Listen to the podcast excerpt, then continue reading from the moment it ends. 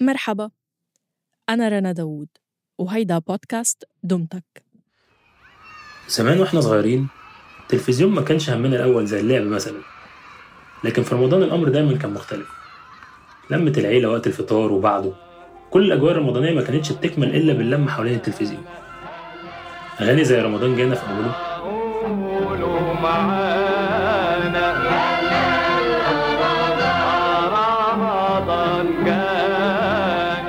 جانا أو لسه بدري بدري يا شهر الصيام في آخره. ونغمات البرامج والمسلسلات والفواصل الإعلانية كمان. حاجات كلها حفظناها عن ظهر قلب زي ما بيقولوا. وبقت جزء أصيل من ذكرياتنا المرتبطة بشهر رمضان.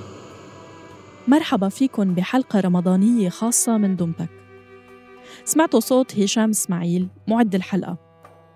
رح ناخدكم بكواليس عالم صناعة نغمات رمضان غير الدينية. يعني اللي عندها طابع تجاري أو ترويجي. رح نحكي عن إعلانات رمضان وتترات مسلسلاته اللي ساهمت بتشكيل ما يعرف بالموسم الرمضاني وتحديداً بمصر.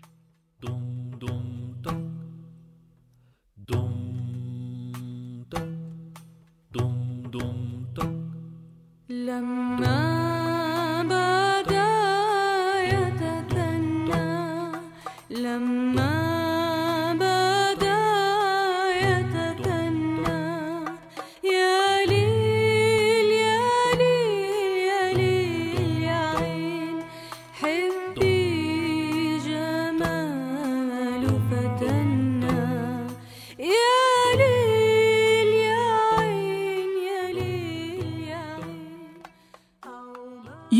1960 بدأ البث التلفزيوني المصري الأول بعد محاولات وعقبات كتيرة واجهته لسنوات. أهمها العدوان الثلاثي على مصر سنة 1956 السيد رئيس الجمهورية يلقي بيان الافتتاح. مصر كانت ببدايات حقبة سياسية جديدة والمجتمع نفسه كان بدأ يتغير نوعاً ما بعد سقوط الملكية. وطبعاً هالتغييرات انعكست على الإنتاجات الثقافية. دخول التلفزيون على المجتمع المصري ساهم بشكل كبير بتقديم أشكال جديدة للفن.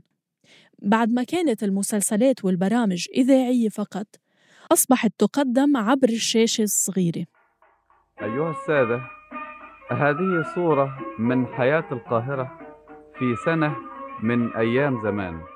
رمضان بعد ظهور التلفزيون كان لازم يصير له استقبال مختلف. مجلة الإذاعة والتلفزيون كتبت بعددها قبل شهر رمضان سنة ال 61 التلفزيون العربي يتحول هذا الأسبوع إلى خلية نحل والسبب هو أن أسرة التلفزيون تستقبل لأول مرة شهر رمضان المبارك. ومظهر هذا الاحتفال لحافل يتبلور في برامج جديدة زاد عددها عن العشرين. المسلسلات الرمضانية كانت جزء من الثقافة الجديدة اللي أدخلها التلفزيون. وظهرت مباشرة بأول سنة بمسلسل ديني اسمه عذراء قريش اللي كان من بطولة سميحة أيوب وإخراج حمدي غيث. المسلسلات الدرامية ظهرت بعدها بسنة من خلال هارب من الأيام وكان حديث الناس وقتها بمصر بسبب قصته اللي كانت بتجمع بين الدراما والجريمة والتشويق. هيدا المسلسل يعتبر أول مسلسل مصري ظهر له فكرة التتر. أو الشارة أو الجنريك اللي هي مقدمة للمسلسل أو نهايته. وعادة بتشتغل مع ظهور أسماء فريق العمل. تتر هارب من الأيام كان من تأليف الشاعر الكبير عبد الرحمن الأبنودي بطلب من نور الدمرداش مخرج المسلسل ولحنه عبد العظيم عبد الحق. دوارة يا شمس السما دوارة. دوارة. زي الزمن علي ظلم كفارة. جبارة الطابع الديني ضل واضح لفترة أو على الأقل أشهر المسلسلات كانت دينية. أنتج التلفزيون المصري العديد منها ويمكن أبرزها محمد رسول الله اللي كان تيتره من غناء ياسمين الخيام ووفقا لملحنه جمال سلامة كان أول مرة تستخدم آلة موسيقية بلحن عمل ديني.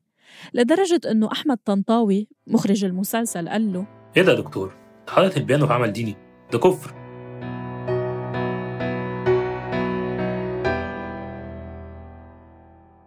بداية انتشار التلفزيون بالبيوت المصرية تزامن مع الفترة اللي بيسموها عصور الانفتاح. فبدأ المعلنين يستغلوا الموضوع. بدأ إنتاج الإعلانات التلفزيونية بالسبعينيات. ومن أشهر الإعلانات كان إنجرام. لمعجون الحلاقة اللي جمع الأهلي والزمالك الخطيب وحسن شحاتة وغيرهم. إنجرام بيريحني. إنجرام. اهي دقني اهي الإعلانات بعدين اتطورت وبدأت تعتمد أسلوب الأغنية القصيرة أو الجينجل أيوة هاي الأغنية اللي بتحفظوها غصبا عنكم قد ما بتتكرر. أغلب هالأغاني بوقتها كانت متاخدة من موسيقى غربية. بتتعدل كلماتها عشان تبقى ترويجية للمنتج وكان طارق نور هو رائد هالمدرسة بحكم إنه كان بيشتغل بالإعلانات وبيلعب مزيكا وعارف هالأغاني. باكل لبان منه نعناع ومنه فراولة وبرضه ما نسيتش لبان بالشوكولاتة لغاية ما جه من بابلو بيبيتا دافيدا هاتي هاتي هاتي مني في مدارس إعلانية تانية اعتمدت على تأليف الأغاني ويمكن أشهرها إعلان ريري. عالزين انت عالزين يا ورد مفتح جبتي الجمال ده يا حلوة منين البركة فريري يا ضي العين البركة فريري لو طفولتكم كانت بمصر بفترة الثمانينيات والتسعينيات فأنتوا أكيد عارفين ريري لأنه كان يعتبر أشهر غذاء للأطفال. وكمان أكيد حافظين كلمات إعلانه الشهير.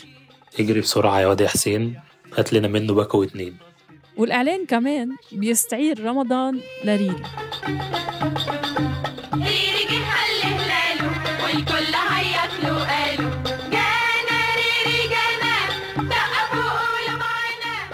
معلومات متضاربة حول صناع الأغنية. الشائع والمنتشر إنه سيد مكاوي هو اللي لحن الإعلان. بس في حوار تلفزيوني مع قناة CBC بال 2017 قال فيها رئيس الشركة إنه الإعلان كلمات صلاح جاهين وألحان عبد الرحمن المصري. أغنية ريري كانت مجرد دعاية بس صارت جزء من الثقافة الشعبية بمصر. الثمانينيات مثل ما ساهمت بصعود الإعلانات بمصر كمان شهدت صعود للتترات المصرية بمسلسلات رمضان سواء كانت مقطوعة موسيقية فقط أو مغنات صارت جزء مهم من الدراما وفي تترات صنعها موسيقيين كبار أمثال عمر خيرت وياسر عبد الرحمن وميشيل المصري. ويمكن أول تيتر علق بأذهان الناس كان لمسلسل الشهد والدموع يلي كان من كلمات سيد حجاب وعمار الشريعي وغناه علي الحجار. وعلى فكرة علي الحجار كان الاسم الأبرز بتترات رمضان. بعده اقتحم محمد الحلو السوق بواحد من أشهر تترات المسلسلات المصرية عبر التاريخ وهو ليالي الحلمية.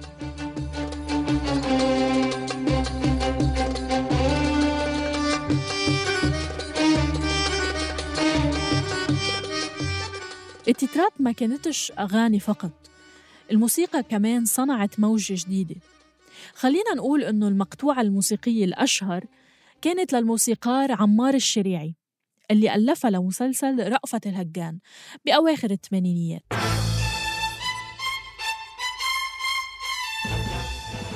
هالموسيقى خالدة لدرجة أنه لحد ظهور الموبايلات البدائية كانت لسه موسيقى رأفت الهجان من الرنات اللي تستخدم.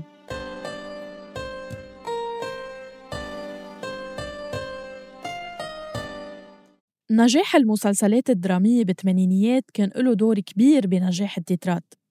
بعض من هالمسلسلات أنتج لها جزء واثنين وثلاثة وبالتالي ضل التيتر ينعرض لسنوات وسنوات مثل ليالي الحلمية ورأفة الهجان.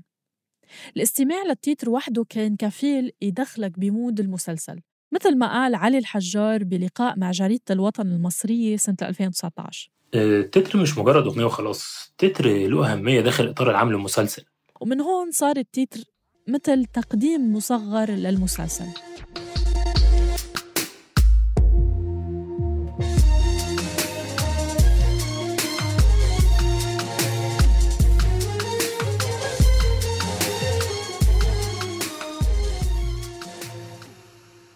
التسعينيات كانت العصر الذهبي للتلفزيون المصري. زاد في إنتاج المسلسلات وأصبح سباق موسم رمضان مشتعل. ومين يحجز مواعيده على القناة الأولى والثانية؟ بما أنهم القناتين الأرضيتين اللي بيوصلوا لسكان مصر كلها. لأنه بهيداك الوقت كان لكل منطقة قناة مخصصة لإلها. فمثلا لو كنت عايش بالإسكندرية فرح تشوف القناة الأولى والتانية والخامسة بس. أما لو كنت من سكان خط القناة فرح تشوف القناة الرابعة بدل الخامسة. وهكذا. شفنا تطور أكثر لصناعة التترات الموسيقية بمسلسلات رمضان واستمر علي الحجار ومحمد الحلو بتقاسم أهم التترات للمسلسلات خلال التسعينيات.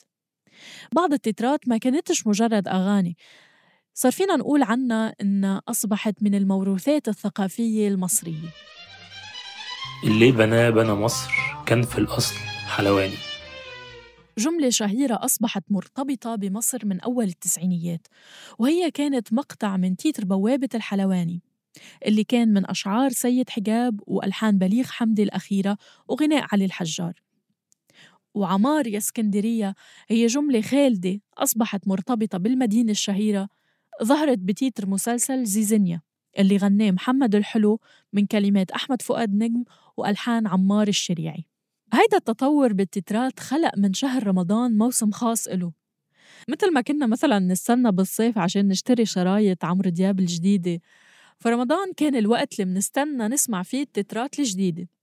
كان سوق موازي وحقيقي لدرجة أنه التترات لم تسلم من سكاكين الرقابة. فواحد من أشهر تترات المسلسلات المصرية تغير ليلة عرضه بسبب تعنت الرقابة المصرية.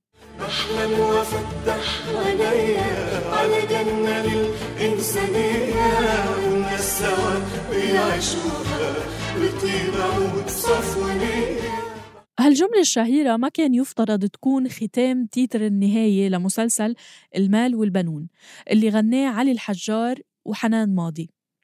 سيد حجاب كان كاتبها دنيا غرورة دنية زي الحنى الشرانية يا ريتنا نآمن أذاها. ونعيش سوا بصفو نية لكن الرقابة رفضت بإصرار شديد وهيدا طبعا أغضب سيد حجاب لكن بالنهاية غيرها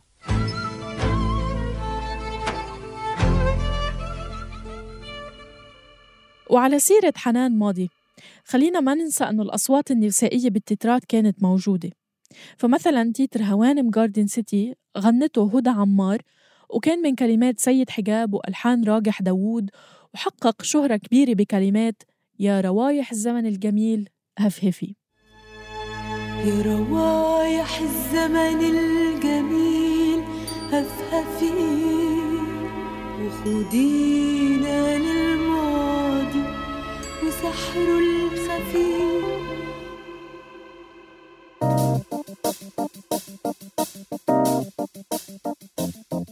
فاصل قصير قبل متابعة حلقتنا. أطلقنا بصوت برنامج جديد اسمه مهضوم. هو بودكاست عن الأكل.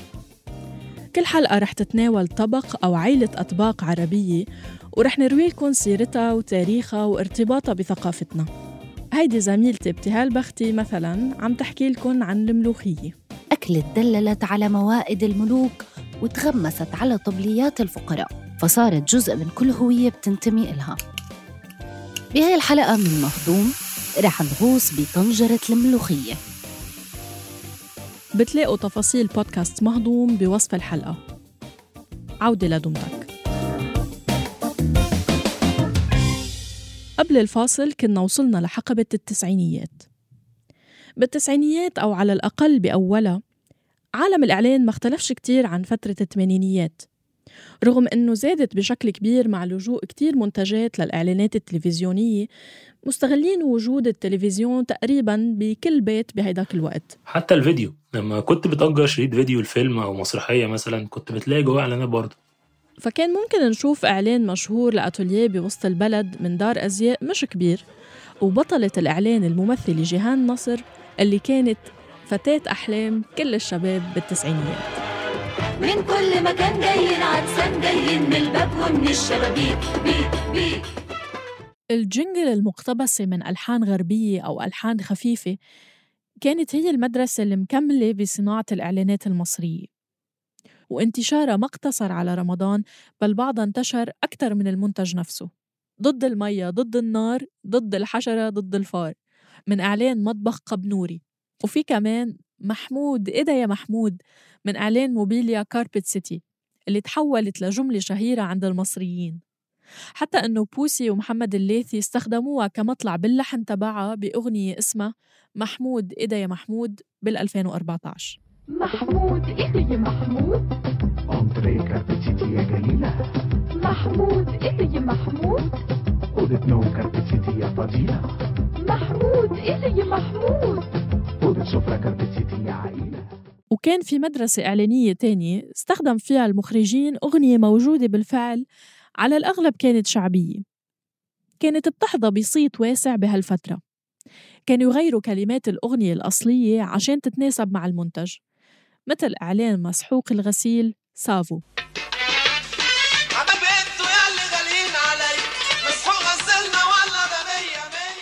وصارت سنة الألفين وصار في تحول كبير بتترات رمضان. بعد ما مغنيي الكاسيت بدأوا يقدموا تترات المسلسلات. قبل هالفترة الموضوع ما كانش كتير شائع. شفنا أنغام بتغني تيتر حديث الصباح والمساء ومدحت صالح بيغني أكتر من تيتر ومحمد فؤاد وهشام عباس وغيرهم. مين فينا جاي مرساها والتترات نفسها بدأ يتغير شكلها مع شكل الأغنية اللي بالتأكيد اختلفت من التسعينيات لبعد الألفين وطبعا تأثرت بأسماء جديدة دخلت على صناعة التيتر. صار مثلا عادي تلاقي كلمات التيتر لأيمن بهجت قمر اللي هو شاعر غنائي مشهور لكن اعتاد على العمل التجاري أكتر. كمان صرنا نشوف الأشكال الغنائية الحديثة بالتترات. مسلسل الكبير قوي التتر تبعه كان أغنية راب أداها أحمد مكي بطل المسلسل. وكانت ناجحة لأنه كانت مناسبة للوقت اللي نزلت فيه. وكمان مع صعود نجم المهرجانات بدأنا نسمعها بالتترات. آخرها بمسلسل بميت وش أداها فريق المدفعجية برمضان 2020 الموضوع مش بس مقتصر على المغنيين المصريين بل بعض المغنيين العرب بدأوا بغناء التترات المصرية وهي بالطبع ساعدت بعضهم على الانتشار بشكل أكتر. حسين الجسمي مثلا كان له واحد من أنجح التترات الحديثة اللي هو أهل كايرو بسنة 2010 المغني اللبناني آدم حقق أكبر نجاح له بمصر بتيتر مسلسل العار أو مثل ما هو معروف بقولوا للي أكل الحرام يخاف.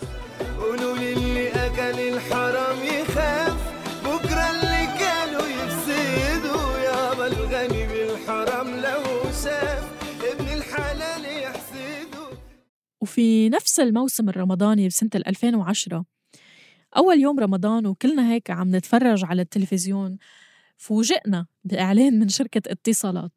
جمعت فيه نجوم من العيار التقيل. محمد منير ويسرى وأحمد عز وهند صبري ودنيا سمير غانم وعزت أبو عوف. أغنية قالوا مجنون اللي يفكر والإعلان كسروا الدنيا. وبيعتبرها ناس كتير هي العلامة الفارقة للي حصل بعد هيك بعالم الإعلانات. من ناحية تجميع نجوم وتأليف أغنية لإلن وإنها تنجح لوحدها. يعني حتى لو هالاستراتيجية نفذت من قبل أكيد ما كانت بالإنتاج الضخم هيدا ولا نجحت بنفس الشكل. كانت لحظة مناسبة لشركة اتصالات للاحتفال بوصولها 15 مليون مشترك بعد دخولها كثالث مزود للاتصالات بالسوق المصرية. قالوا مجنون اللي يحلم يقول في شبكة أجمد ويقنع ناس متغطين قالوا الناس قالوا الناس وبقينا 15 مليون في ثلاث سنين الإعلانات الرمضانية عادة بتتناول قيم مثل العطاء والخير والتسامح. بس الأوضاع السياسية اللي كانت عم بتمر فيها مصر بعد ثورة 25 يناير خلت رسالة إنه نكون مع بعض وإيد وحدة مسيطرة على الحملات الإعلانية الرمضانية. فشركة موبينيل اللي هي أورنج حالياً بال 2012 ركزت على هاي الرسالة بأغنية دايماً مع بعض اللي جمعت كل ألوان المجتمع المصري بالمدن وبحري والصعيد والدلتا والمناطق الشعبية.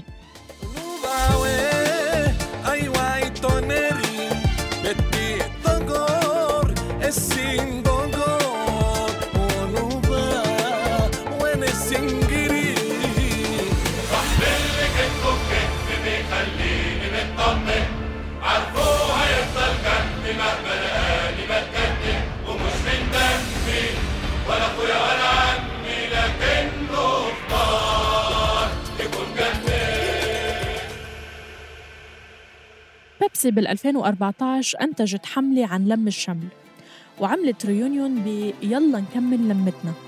فاكر أيام لمتنا. كانت تعدي ساعات في ثواني. بتجمع أحلى الناس مش أي لمة وخلاص. يلا نرجع لمتنا.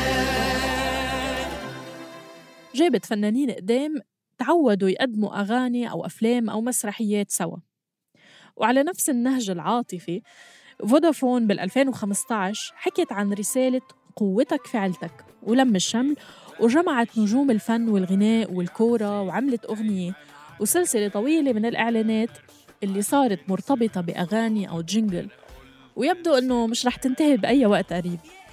طبعا ما تغركن ألحان هالإعلانات الرقيقة وجو النوستالجيا والقشعريرة. هالأغاني هدفها مش إنساني.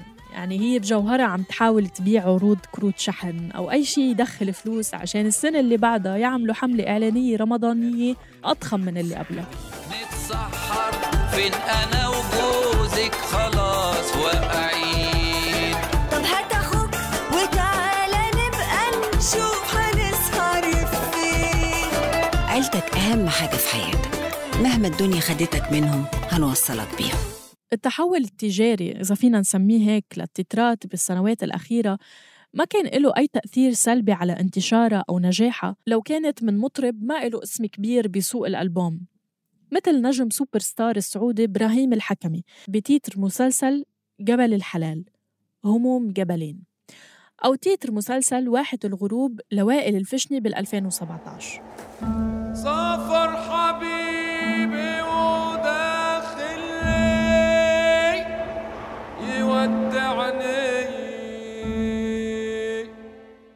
وبنفس الوقت بتلاقوا مغنيين دخلوا سوق التتر الرمضاني عمركم ما كنتوا تتخيلوا وجودهم فيه. مثلا إليسا ونانسي عجرم ونوال الزغبي وفضل شاكر وتامر حسني وشيرين. بيكفي نقول إنه أكتر أغنية حققت مشاهدات على قناة شيرين الرسمية على اليوتيوب هي مشاعر اللي كانت تيتر مسلسل حكاية حياة. حصدت أكثر من 195 مليون مشاهدة من ال 2013 لليوم. مشاعر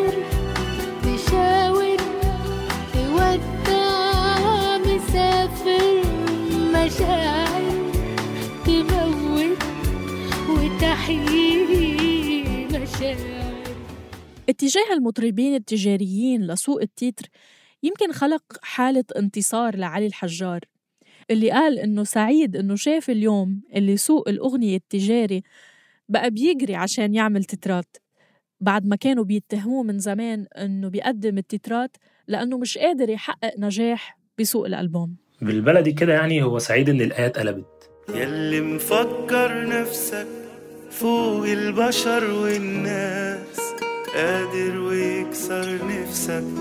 رب البشر والناس مهما كبرت هتوصل لفين واخرك إيه اللي معلم يعلم بكرة الزمان ده عليه قبل ختام هالحلقة حابين نعزمكن على جلسة نقاش مباشرة خاصة بدمتك بإطار تعاوننا مع مؤسسة فن جميل رح نعمل جلسة زوم نناقش فيها الموسيقى المرتبطة برمضان.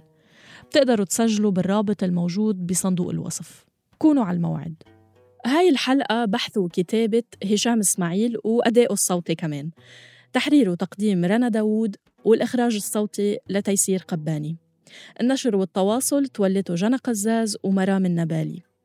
تقدروا تسمعوا حلقة دمتك عن فوازير شريهان وانتظروا حلقة رمضانية إضافية كمان. لتوصلكم تنبيهات الحلقات الجاي تأكدوا أنكم تضغطوا على زر الاشتراك أو تعملوا subscribe بقناة دمتك على تطبيق البودكاست اللي عم تسمعونا عبره.